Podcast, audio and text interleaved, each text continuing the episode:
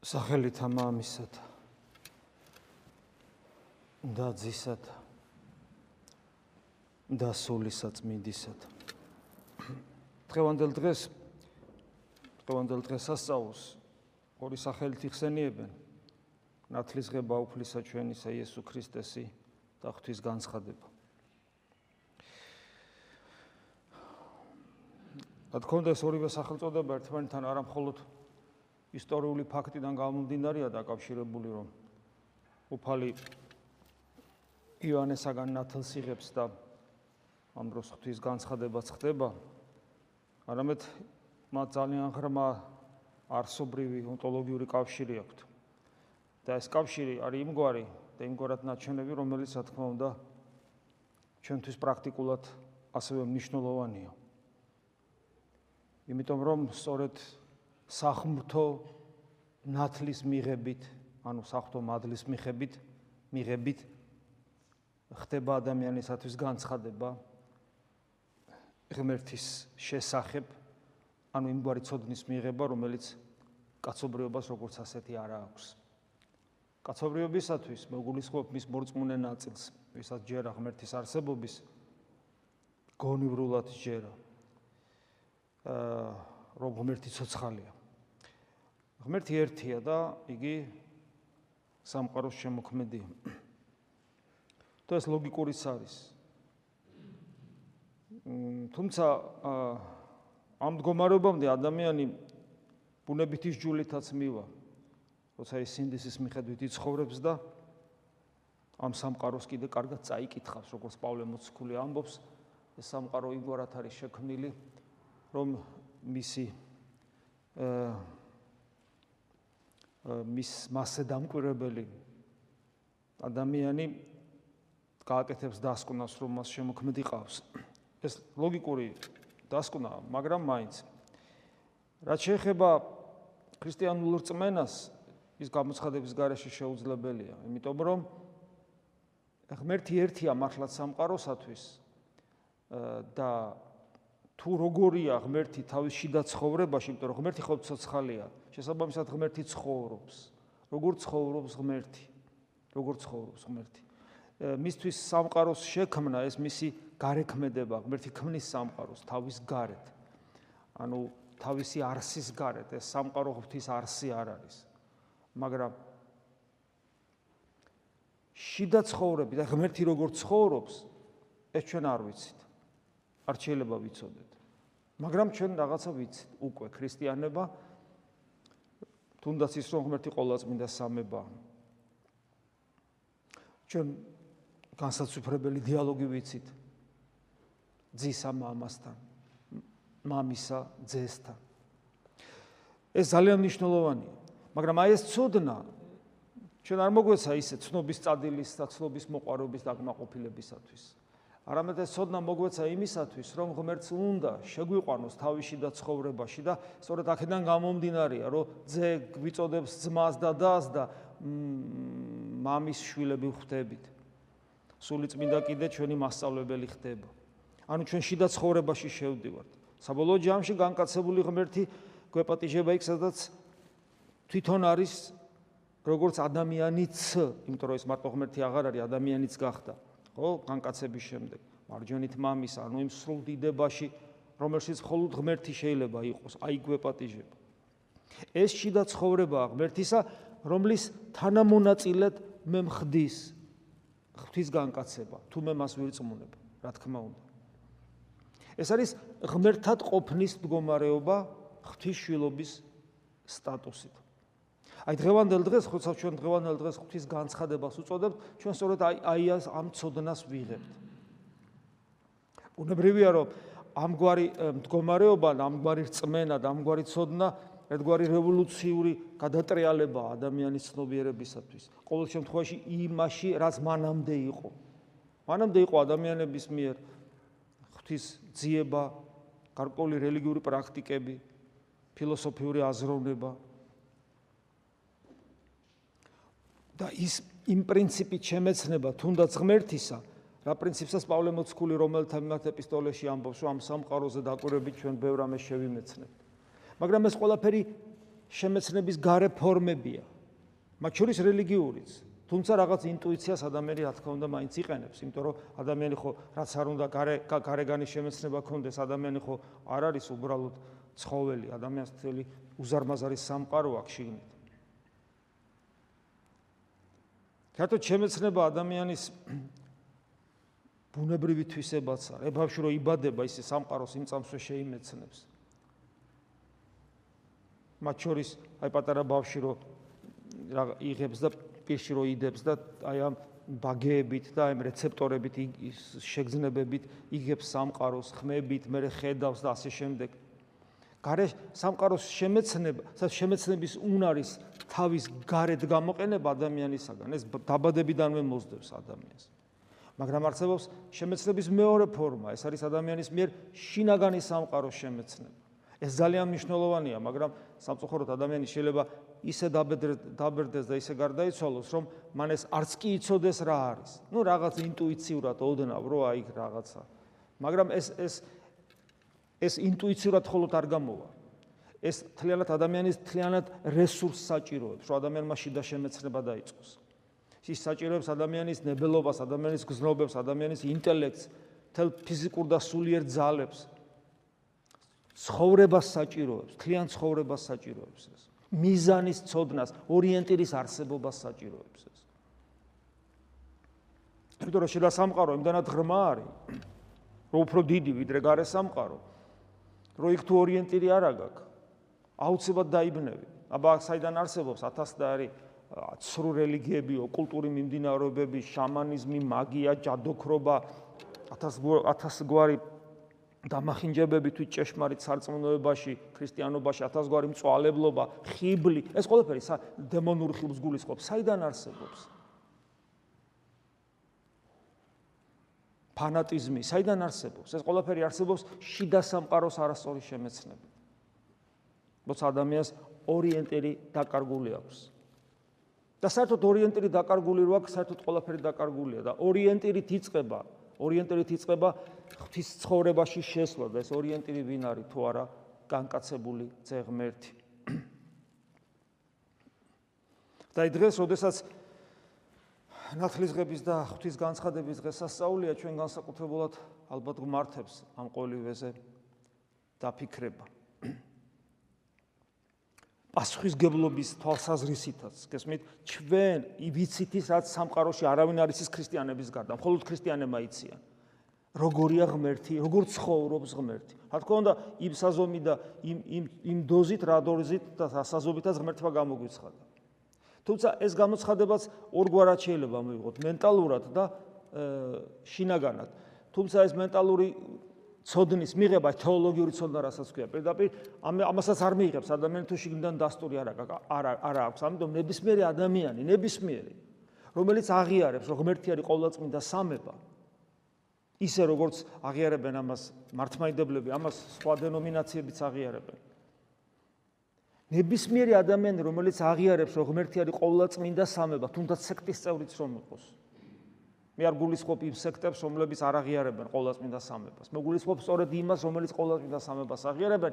ყველა ეს ადამ ყველა ადამიანს გულზე შენახებია აუცილებლად ღვთისმადლე. იმიტომ რომ შეუძლებელია ადამიანმა გონებით მიიღოს ყოვლადწმინდა სამება ღმერთი, сахарება წაიკითხოს და იქ ყოვლადწმინდა ღმერთი დაინახოს, თუ მის გულზე შენახები არ არის სახთომადლეს აბსოლუტურად გამორიცხული. ისევე როგორც შეუძლებ და ეს საიდან იწყება? უფრო სწორედ ხო, საიდან იწყება? ეს იწყება იქიდან, რომ იესო ქრისტეს აღიქვავს სამყაროს შემოქმედ ღმერთად. აქედან გამომდინარეა ეს. რადგან ის ღმერთია და რადგან мама და რადგან სულიწმინდას არის, ეს ყოვლადწმინდა სამება. განცხადების ჟამს ეს ხდება ზუსტად. ხოლო იქ სადაც იესო ქრისტე ღმერთი არ არის, ასეთი ფსევდოქრისტიანული მიმდინარეობებიც არსებობს, მაშინ თავისთავად ცხადია, რომ ეს ადამიანები ყოვლადწმინდა სამებას არ აღიარებენ. თუმცა რა თქმა უნდა ჩვენ უკვე რადგან შევეხეთ ხო აი სხვადასხვა დენომინაციებს და სექტებს უკვე აქედანაც ხვდებით რომ ამის აღიარება თავისთავად ამის აღიარება რომ და ეს აღიარება ჩვენი დამსახურება არ არის ჩვენს გულს ღვთის მადლი შეხო საკმარისი სულაც არ არის იმიტომ რომ შენ შეიძლება ღვთის მადლი შეგეხო შენ შეიძლება ღვთი ძე ღმერთის, ანუ ქრისტეს ღმერთობა მიიღე ირწმუნა შესაბამისად ყოვლადწმინდა სამება ღმერთი იცი რომ არის და ეგეთ ასეთი ღმერთი და ეს ეს ასე ცხოვრობს ღმერთი რომელიც რომელიც სიყვარულად იწოდება სწორედ ამის გამო ეს შეიძლება ყველაფერი შენ კი იცოდე მაგრამ ეს საკმარისი არ აღმოჩნდეს საჭიროა საჭიროა ზღმერთის არაუბრალოდ ემოციურად, არაუბრალოდ მენტალურად, არაუბრალოდ ინტუიციურად მიღება, არამედ მასთან სინერგიული ურთიერთობა. იმ სულის მიღება და იმ სულით იმ სულით ცოდნის მიღება შეიძლება ასე ითქვას, რომელიც სულით თავად ღმერთი იძლევა, რომელიც სულსაც თავად ღმერთი იძლევა. წმინდა წერილში მრავალი ადგილია მსგავსი რომ სწორედ სახთო სულით სახთო სულის მიღებით ხდება ამ ყოლაფრის ამ ყოლაფერში გამყარება და სახთო სულით ხდება ჩვენი განსწავლა ზუსტად. და ამ სახთო სულს ჩვენ ვიგზნობთ და შევიგზნობთ. სწორედ მისი საშუალებით ხდება დარწმუნება იმაში რომ ჩვენთან არის ღმერთი.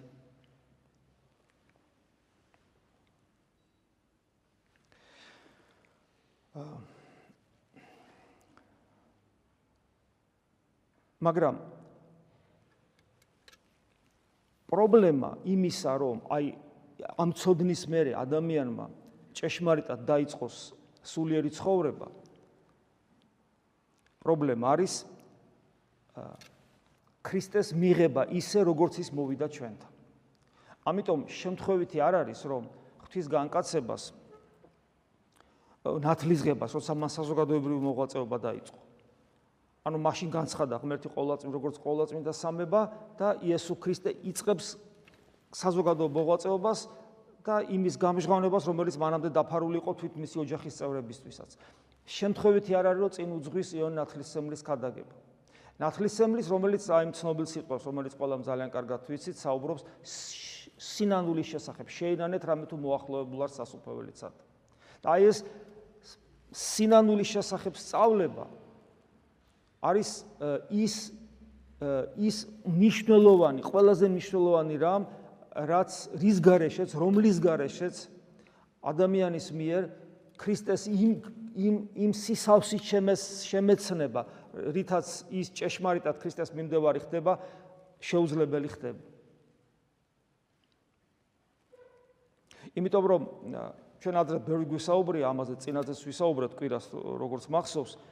ადამიანმა შეიძლება ყველაფერი ადამიანი შეიძლება თავისი ნებისყოფის ძალით, თავისი შესაძლებლობებით, თავისი ნიჭიერებით, ყველაფრის აღსრულებელი შეიძლება აღმოჩნდეს, მათ შორის ძალიან დიდი სათნოების, სათნოებებისაც კი. მაგრამ ეს არ არის სასწაულმოქმედიც კი შეიძლება აღმოჩნდეს, მაგრამ ეს არ არის საკმარისი. იმიტომ რომ მას შეიძლება არ კონდეს ყველაზე მთავარი და ყველაზე მნიშვნელოვანი, რასაც ქვია სინანული. იმიტომ რომ სინანული ეს არის სწორედ აი ეს პროცესი მეტამორფოზისა, რომელიც საჭიროებს ჩვენ შიდა ცხოვრებას, შიდა შიდა შემეცნებას და იქ არის პროცესი, იწყება პროცესი, რომელსაც დასასრული არ აქვს. რომელიც საკუთარ ჯოჯოხეთამდე აუცილებლად ჩავა.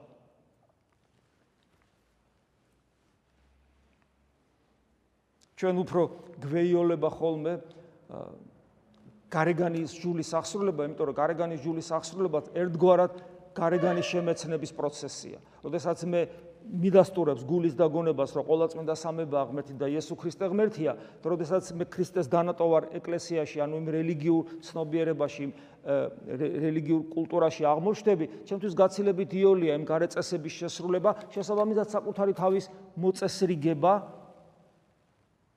და აი ამ მორჩილების გზით გარეგანი წესებისა და საკუთარი თავის მოწესრიგების საშუალებით მე ვფიქრობ და მაქვს ილუზია რომ ხდები ქრისტიანი. თუმცა ამაზე ჩვენ ვისაუბრეთ რომ აქ ხდება უდიდესი პრობლემის წინაშე დგება დგება ადამიანი, როდესაც იგი ხედავს უკვე თავის კეთილშობილებას, თავის თავის სიმართლეს, თავის მოწესრიგებულობას, თავის ზნეობრიობას და შესაბამისად მას აღარ აქვს მოთხოვნილება მწვავე, მწვავე მოთხოვნილება მხსნელისა, იმიტომ რომ ის მართალია უკვე, იმიტომ რომ ის რაღაცები შეასრულა, რაც მას ეკლესიამ მიაწოდა. ასე დროს, ასე დროს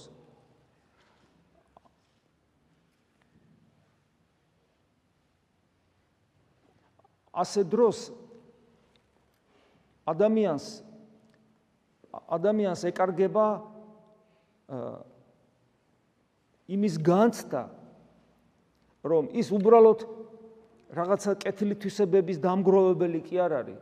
ის ის საკუთარი თავის დისციპლინით აღმზდელი კი არ არის. ის უბრალოდ კი არ უნდა უკეთესი კი არ უნდა გახდეს. არამედ ის თავად ღმერთს უნდა დაემსგავსოს, ის ახალ ქმნილებად უნდა გადაიქცეს და ახალი ქმნილება, ახალ ქმნილებად რო გადაიქცეს, ის უნდა განთავისუფლდეს ყველაფრისაგან, მათ შორის რელიგიური წესებისა და კანონებისაგან და აბსოლუტურ თავისუფლებას მიაღწიოს. ამაზე პავლე მოციქული ძალიან ბევრს საუბრობს. მაგრამ პავლე მოციქული ჯულს კი არ უარყოფს როგორც ასეთი. პავლე მოციქული სხვა რამეს ამბობს, ის პრინციპი, რასაც პავლე მოციქული საუბრობს, არ მდგომარეობს იმაში, რომ ქრისტეში აღსრულდა ყველაფერი ის ჯული. ანუ ქრისტეას ჯულის ბოლომდე აღსრულებელი.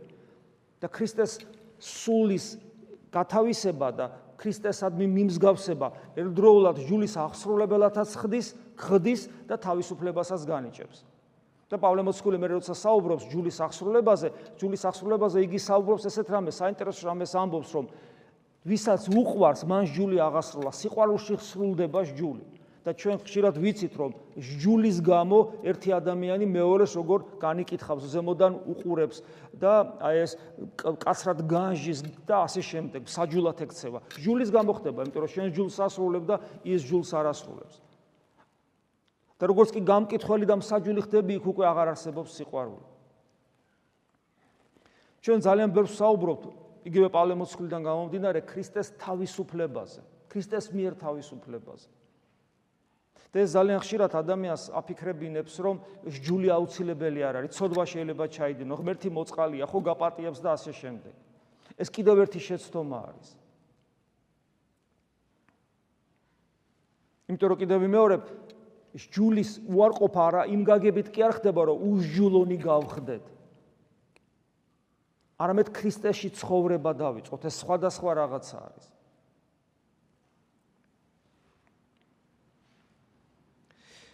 და თავისუფლებას რაც შეეხება ქრისტეში, ის უდიდესი პასუხისგებლობის წინაშე აყენებს ადამიანს. და პავლე მოციქული ერთ ადგილას იმასაც ამბობს, რომ თავისუფლებისათვის ახართ მოწოდებულნი თავისუფლებას ნუ გაიხდით, ნუ გაიხდით ხორცის ნუ გამოიყენებთ ხორცის მაამებლობისათვის, ჩემი სიტყვებით გეუბნებით. ეს ნიშნავს იმას, რომ ადამიანს ეგ შეიძლება კონდეს ილუზია იმისა, რომ ის თავისუფალია ქრისტეში და ამ დროს უსჯულო ცხოვრებით დაიწყო ცხოვრება. აღარ აკონტროლებდეს საკუთარ თავს. სინამდვილეში, სინამდვილეში. ასე დროს ადამიანი თვითნებობს და მე როცა ამას დაინახავს, თვითნებობს და აბსოლუტურად მოშვებული ხდება. და მე როგორც წესი ერთი ადამიანის დეგრადირება ხდება გარეგნულ ეკლესიურ ცხოვრებაშიც კი. როცა ადამიანი პატიოსნად დაინახავს, ისევ მიიდრიკება წესსა და კანონის ზედმიწევნითი აღსრულებისაკენ და ისევ ჯულის მონობაში გადადის. ეს ყველაფერი ხდება იმიტომ, რომ სინამდვილეში ქრისტეს მიერ თავისუფლების ცხოვრება ძალიან რთულია. აი ეს როცა იოანე ნათლავს და ის იოანე როეუნება უფალს რომ მე შენ უნდა მე უნდა მივიღო შენგან ათელი და შენ ჩემთან მოდი ხარ და უფალი თავს რომ მოუხრის და ესეთ უნდა აღვასრულოთ ყოველი სიმართლე. აი სიმართლე რომელიც უნდა აღვასრულოთ ქრისტესთან ერთად ეს უდიდეს საიდუმლოებას მოიცავს. რომელიც იქ ორი სიტყვით გაუგებარიც კი იყო იოანეს კი დაიბნა. გახსოვთ ხო როგორ ხო მე? იოანე უბრალოდ დაემორჩილა ვერც იქ იქ არ ჩანს რომ ამის გაგება მოხდა. აი ამ სიმართლის გაგება არა ჩვენი არამედ საფრთხო სიმართლის გაგება საფრთხო თავისუფლების, ქრისტეს მიერ თავისუფლების გაგება არის ძალიან რთული და ამას ჭირდება მთელი ცხოვრების მიძღვნა, რომ ჩვენ ეს გავიგოთ და გავარკვიოთ და არ შეგვეშალოს. როგორც წესი, თუ ადამიანმა სწორად დაინახა ჯულის მნიშვნელობა და თუ ქრისტეში თავისუფლება სწორად დაინახა, ის ისეთი სიდიადის წინაშე დგება და აღმოჩნდება, მისი ნიშნული თუ რას უნდა რის მიხედვით იცხოვროს, არა გარეგანი წესებით და კანონებით, თუნდაც რელიგიური წესებით და ზნეობრივი წესებით და კანონების მიხედვით, არამედ ქრისტეს მიხედვით, როცა ქრისტე ხდება უშუალოდ ცოცხალი, განკაცებული ღმერთი ხდება ორიენტირი, ეს იმხელა სიდიადია. შემაძრწუნებელი. და იმხელა რამე მოითხოვება ამ დროს ადამიანისაგან. დიახაც ჯულის გამო და გამთავისუფლდეთ. მაგრამ ქრისტეს უნდა დავემსგავსოთ. და ქრისტესადმი მსგავსება და ეს არის სწორედ თავისუფლება. იმიტომ რომ თავისუფალი მხოლოდ ღმერთია. მხოლოდ საფრთხო ენერგიაში რეალიზებული ჩვენი პიროვნება ხდება თავისუფალი. თუ არა ის თავისი ქვენაგზნობების ტყვე იქნება ყველა შემთხვევაში. ხოლო ქრისტეში ცხოვრება და ქრისტეში თავისუფლება და ქრისტეს მსგავსი ცხოვრება ეს იმხელა სიდიადე და იმხელა ნიშნულია რომ ჩვენ ამას გაურბივართ სინამდვილეში. ჩვენ გვირჩევნია ჟული, წესი, კანონი, ну საკუთარი სიმართლე ხო გვირჩევნია და გვირჩევნია. ყველაფერი საკუთარი ზნეობრივი ნორმები, წვალება, წუხილი, შრომა, უამრავი შრომა შეიძლება ჩავდოთ ჩვენ იმაში რომ მოვწესრიგდეთ და სხვებზე კარგი გავხდეთ, დისციპლინირებულები ვიყოთ, ყველაფერი ვაკეთოთ, ვიმარხულოთ, ვილოცოთ და ყველაფერი, ყველაფერი აბსოლუტურად. მაგრამ აი, რა ვქნათ, ეს არ არის ქრისტიანობა. ეს ყველაფერი რაღაც დამხმარე ინსტრუმენტებია, მეტი არაფერი. ჩვენი ორიენტირი ერთადერთია, ეს არის იესო ქრისტე. და კიდევ მეორე, იგი როგორც ორიენტირი და იგი როგორც ნიშნული არის შემაძრწუნებელი. თავის იდეადის გამო. ამიტომაც არსებობს საეკლესიო წესები, კანონები, ამიტომაც არსებობს ჟულის კანონი, ამიტომაც არსებობს ტრადიცია ეს დისციპლინარული წესები ეკლესიაში. ამიტომაც არსებობს რომ ის რისკთვისაც ჩვენ მოვედით შემაძრწუნებელ რეალობის წინაშე გვაყენებს და ადამიანები ვერ ადამიანები ვერ ტვირთულობენ ამას. მაგრამ ეს გარეგანი მხარე რელიგიურობისა. ეს არის ერთგვარი პედაგოგის როლის შემსრულებელი, რომელიც როგორც კი ხდება მიზანი და არასაშუალება. ეს ადამიანის დეგრადირებას იწვევს და შეიძლება ადამიანის სულიერათაც კი დაღუპოს. ამ ფანატიზმი სწორედ ეს არის. დღევანდელ დღეს ტიტეს მიმართ ეპისტოლეში პავლე მოციქული საინტერესო საკითხებზე აკეთებს აქცენტს.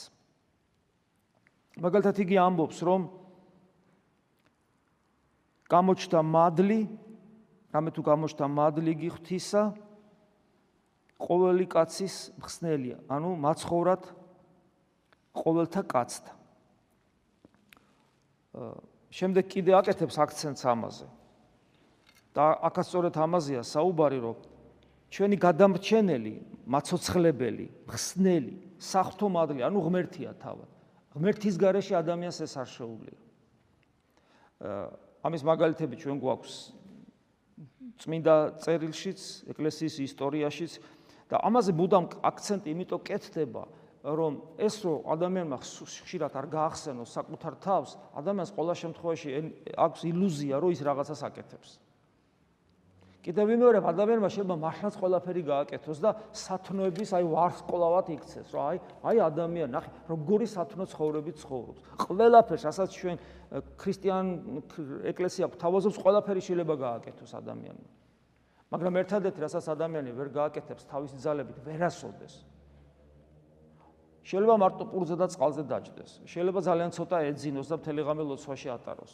შეიძლება ყოველდღე ეზიაროს. შეიძლება ქველმოქმედი იყოს სხვების მოწყალე იყოს. საოცარი სიმამაცე კონდეს კარგი მოქალაქე. ადამიანებს მოუტანოს უდიდესი სარგებელი და ყველა ტაშს უკრავდეს მას და კიდე ქრისტეს სახელს ახსენებდეს და შესაბამისად აქედან გამომდინარე ნუ აი წმინდანთა რაგშიც აიყვანო. ერთადერთი რასაც ადამიანი ვერასოდეს თავის ძალებით ვერ გააკეთებს ეს ყველაფერი გააკეთოს ნუ ცოტა ღმერთი ღმერთი ყველას ეხმარება მოდი ესე ვთქვა არ არსებობს ადამიანი ღმერთი არ დაეხმაროს. ადამიანი რასაც თავის ძალებით ვერასოდეს ვერ გააკეთებს ვერ მიაღწევს ვერ გაითავისებს ეს არის სიმდაბლის სათნოება. ვერასოდეს ვერ შეძლებს ამას და მაცხონებელი კიდე სწორედ ეგ არის. და ამიტომაც არის, რომ აი აქ კიდევ ერთხელ გვახსენებს, რომ და მხსნელი ეგ არის, სინ ისწავლეთ ჩემგან შვიდვარდამ დააბალულით ქრისტებრიობა. ხას უსვავს, გესმით? აი ღმერთი მოვიდა და გვითხრა, დაბალი ვარ და მომბაძე. აი ამაში, ეს არის ყველაზე მნიშვნელოვანი. და აი ეს არის მხსნელი და ეს ეს აუცილებლად ხდება საფრთხო მადლით. მადლით, იმიტომ რომ ადამიანს თავისთავად ეს არ შეუძლია. მე მოგვევლინა ჩვენს დასამოძღვრად, სამოძღვრებლად ჩვენ და რატომ მოვიდა სამოძღვრებლად ჩვენ და რათა უარყოთ უარყოთ უღმრთოება და სოფლის გულის თქმა სამოძღვრებლად ანუ დაგმოძღვრა ჩვენ აი დღევანდელი დღე ღვთის განცხადებისა სწორედ ერთ-ერთი მნიშვნელოვანი სწორედ ეს არის. მოგცა ცოდნა. ცოდნა, თეოლოგიური ცოდნა მოგცა. ღმერთი არის ყოვლადწმინდა სამება. მოვიდა მოვიდა მოვიდა ნიშნავს ის, რომ ვირწმუნე, ხა თუ მოვიდა და მე არ ვირწმუნე, ჩემთვის ესე იგი მისი მოსვლას აზრი არ აქვს. მოვიდა მე ვირწმუნე, შესაბამისად მოვიდა იმიტომ, რომ მომცა თეოლოგიური ცოდნა, ანუ მოძღვრება, რომ ღმერთი ყოვლადწმინდა სამება. შესაბამისად ამის მერე, ამის მერე. ამის მერე რათა უარყოფთ უღმრთოება, ანუ უღმრთოებას ვერ უარყოფთ, თუმცა სწორად სწორი თეოლოგიური ცოდნა არ მაქვს. ეს სხვათა შორის, აი ძალიან ბევრი ადამიანია ნათელღებული წლების განმავლობაში ცხოვრობენ ქრისტიანულად, ელემენტარული კატეხიზმის ცოდნა არ აქვს. აი რასაც ჩვენ გალობთ წამს ის დროს, რომ წამს ერთი ღმერთი мама ყოვლის სამყრობელი და ასე შემდეგ, ხო, მოველი აღდგომა სამყდრეთი და ცხოვრებასა მერ მის ამის საუკუნესას ამით, ამით რომ თავდება. დილის ლოცვებშია ყოველი წირვის დროს სიგალობება. ადამიანებმა აი ამის ადამიანებს ამის ცოდნა არ აქვს ხშირად. ანუ ეს ამას გაშიფრა ჭირდება, ხო, თითოეული სიტყვა რას ნიშნავს, ადამიანმა ეს უნდა იცოდეს. ჩემი რჩევა იქნება, რომ თუ ვინმეს ამაზე სპეციალურად არ უმუშავია, თუ ვინმეს არის თქვენ შორის ისეთი, რომელსაც სპეციალური ციგნები არ არ გულისხმობ მაინდამაინც დიდი საფრთხისმოწყალო დოგმატური ღვთისმოწყალების ტრაქტატები, თუნდაც პატარა ბროშურები ამის შესახებ არ წაუკითხავს.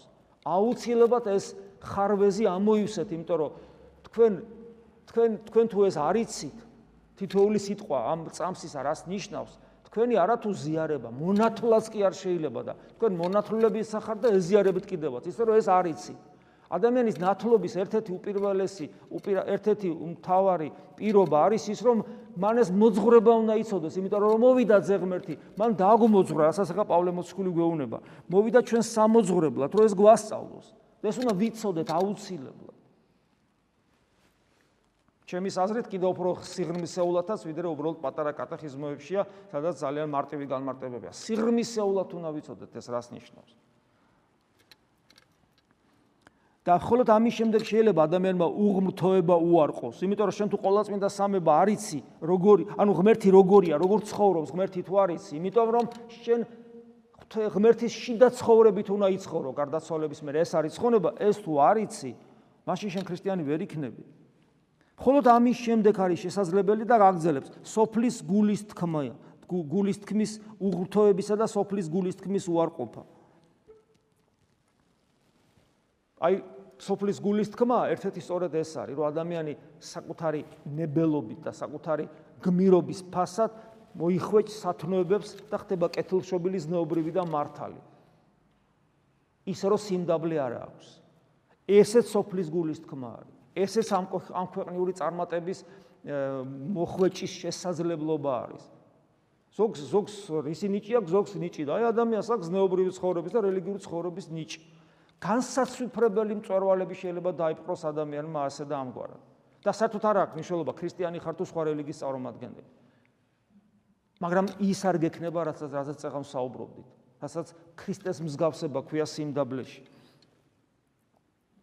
და საქმე საქმეზე რომ იდგება, როცა სხვა ადამიანი დაგიდგება წინ, რომელიც შენი სიმართლის აი ამ ჩარჩოებში, პარადიგმაში, ჩარჩოებში არზის შენი სიმართლის, როგორც შენ ხედავ, როგორც შენ გიწვალია, გიღვაწია, გიშრომია, ოფლი გაგიღვრია.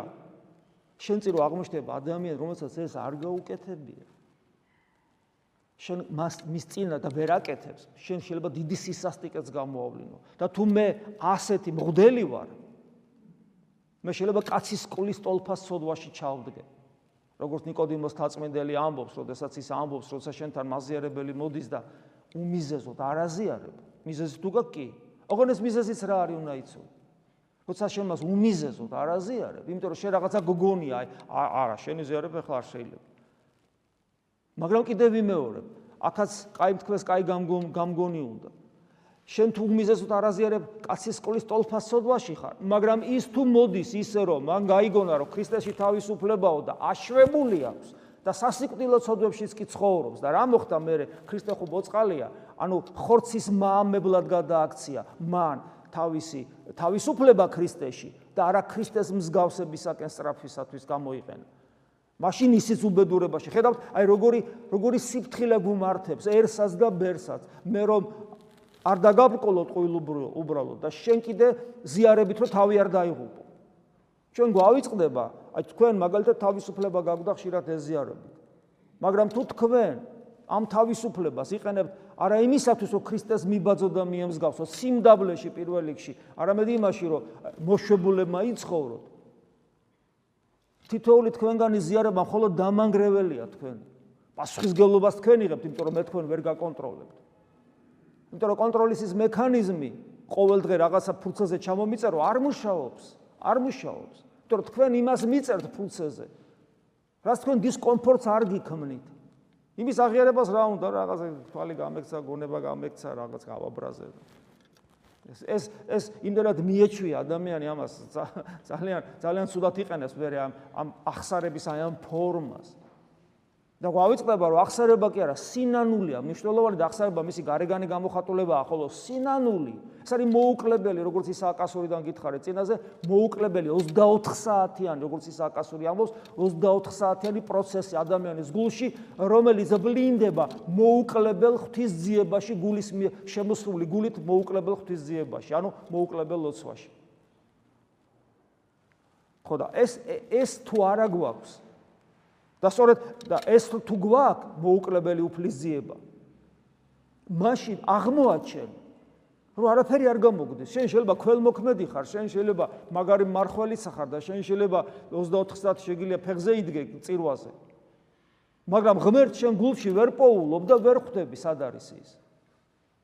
და ექსტრემალურ სიტუაციაში მრისხანეც ხარ სასტიკიც ხარ და ვნებებსაც ვერ იმორჩილებ. ოღონ ექსტრემალურ სიტუაციაში, როცა მშვიდად ახარ, ამას ვერ გძნობ.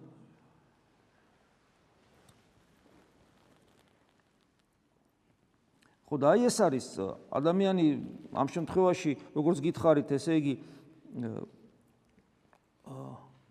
უღმთოებაში, გინდა არ გინდა უღთოებაში იმყოფება და აა შემდეგ ამბობს პავლე მოციქული გვეუბნება რომ ეს ყველაფერი უნდა უარყოთ და სიწმინდით და სიმართლით და ღვთისმსახურებით ცხონდებით ამას ცხონდებოდეთ ანუ ცხოვრობდეთ ამ სოფელში და გადავრჩეთ ამ სოფელში. და ეს სიწმინდე და ეს საფრთხო სიმართლე და ღვთისმსახურება მოდის ხოლოდ მე როცა უხთოებას უარყოფს. ხო ადამიანი აქედან გამომდინარე ასე არის და კიდევ ვიმეორებ ეს უხთოების უარყოფა ეს არის სწორი ცოდნაც და შესაბამისად სწორი ცხოვრებაც. და აი აქ არის ხო კიდევ ერთი რამ არის რაც მე წეღა უნდა მეთქვა ასევე დღევანდელ დღას დღეს აღმოვიკითხეთ. რასაც აქცენტს აკეთებს პავლე მოციქული ტიტას მიმართ ეპისტოლეში რომ მან ქრისტემ რომელიც მოვიდა გვიხსნა არა ჩვენს მიერ აღსრულებულ კეთილ საქმეთა გამო კიდევ აქცენტს აკეთებს კიდევ ერთხელ, არამედ თავისი წყალობით.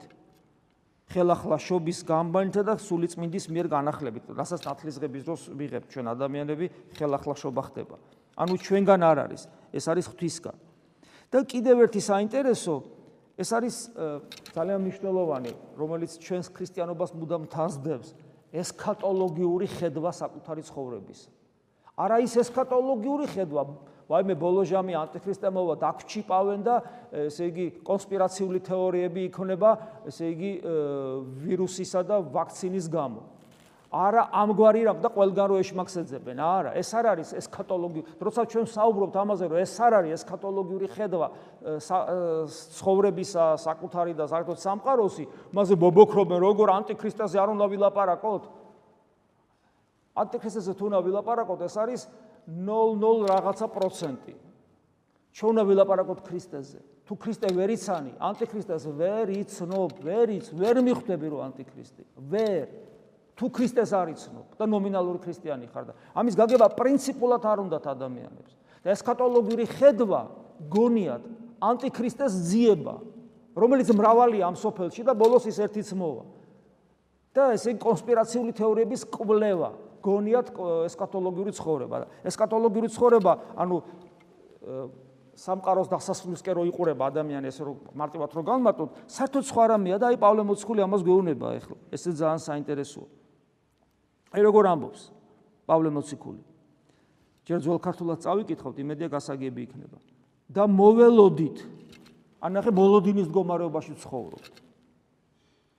მანამდე ხო წერია რომ სიწმინდით სიმართლე და ღვთის ესე იგი უღთოება უნდა გამდევნოთ და ამასოფლის გულის თქმა უნდა მოვიშოროთ და სიწმინდით, სიმართლით და ღვთისმსახურებით ვცხონდებოდეთ ამასოფელსა. ანუ ქრისტიანულად ცხოვრობთ, ხო? და ამ დროს შეიძლება მადლსაც იღებს ადამიანი, საოცარ სიხარულსაც იღებს ადამიანი, ღვთის განცდა აქვს, ცოცხალი ღმერთის განცდა აქვს ადამიანს, გესმით? აქვე უკვე სასופველი მის გულში დაწყებულია უკვე. მაგრამ მიუხედავად ამისა, ის მაინც მოლოდინის რეჟიმშია და რა მოლოდინში და მოველოდით ნეტარს ამას სასოებასა და გამოჩინებასა, დიდებასა, დიდი საღვთისა და მაცხოვრისა ჩვენისა იესო ქრისტესა. ახალ ქართულად ესია დამოველოდოთ ნეტარის სასოებისა და ჩვენი დიდი ღმერთისა და მაცხოვრის ქრისტე იესოს დიდების გამოჩენას. ანუ ქრისტიანის ცხოვრება მთლიანად სავსეა უფალთან შეხვედრის სურვილით. აი ეს არის კათოლოგიური ხედვა. ქრისტესკე რო ისრაფის ადამიანი. ოღონ აქ თავისთავად გულში, რასაც ადამიანი შინაგანი ლოცვით და გონიერი ლოცვით ცდილობს, და სწორე სულიერი ცხოვრები და უფლის ერთგულები და სიმდაბლის მადლის მოხვეჭით. მაგრამ მარტო ამით არა. მარტო ამით არა. აი იმ დიდ შეხვედრისაკენ ისწრაფვის. ერთი სული აქვს. ჰე მალე მოდი უფალო, როგორც აპოკალიფსი წერია. აი ეს არის ესკატოლოგიური ხედვა. და ეს აბსოლუტურად ლოგიკურია. მე თუ ვიცი, რომ დღეს რა დღეა? ღვთის ღმერთი განცხადდა. მე თუ ვიცი, რომ დღეს ნათლის ღებით ადამიანმა ადამიანად მოსულმა ღმერთმა სიმდაბლის მაგალითი მომცა ღვთის განცხადება მოხდა მე თუ ვიცი ღმერთიში და ცხოვრებით როგორია მე თუ ვიცი რომ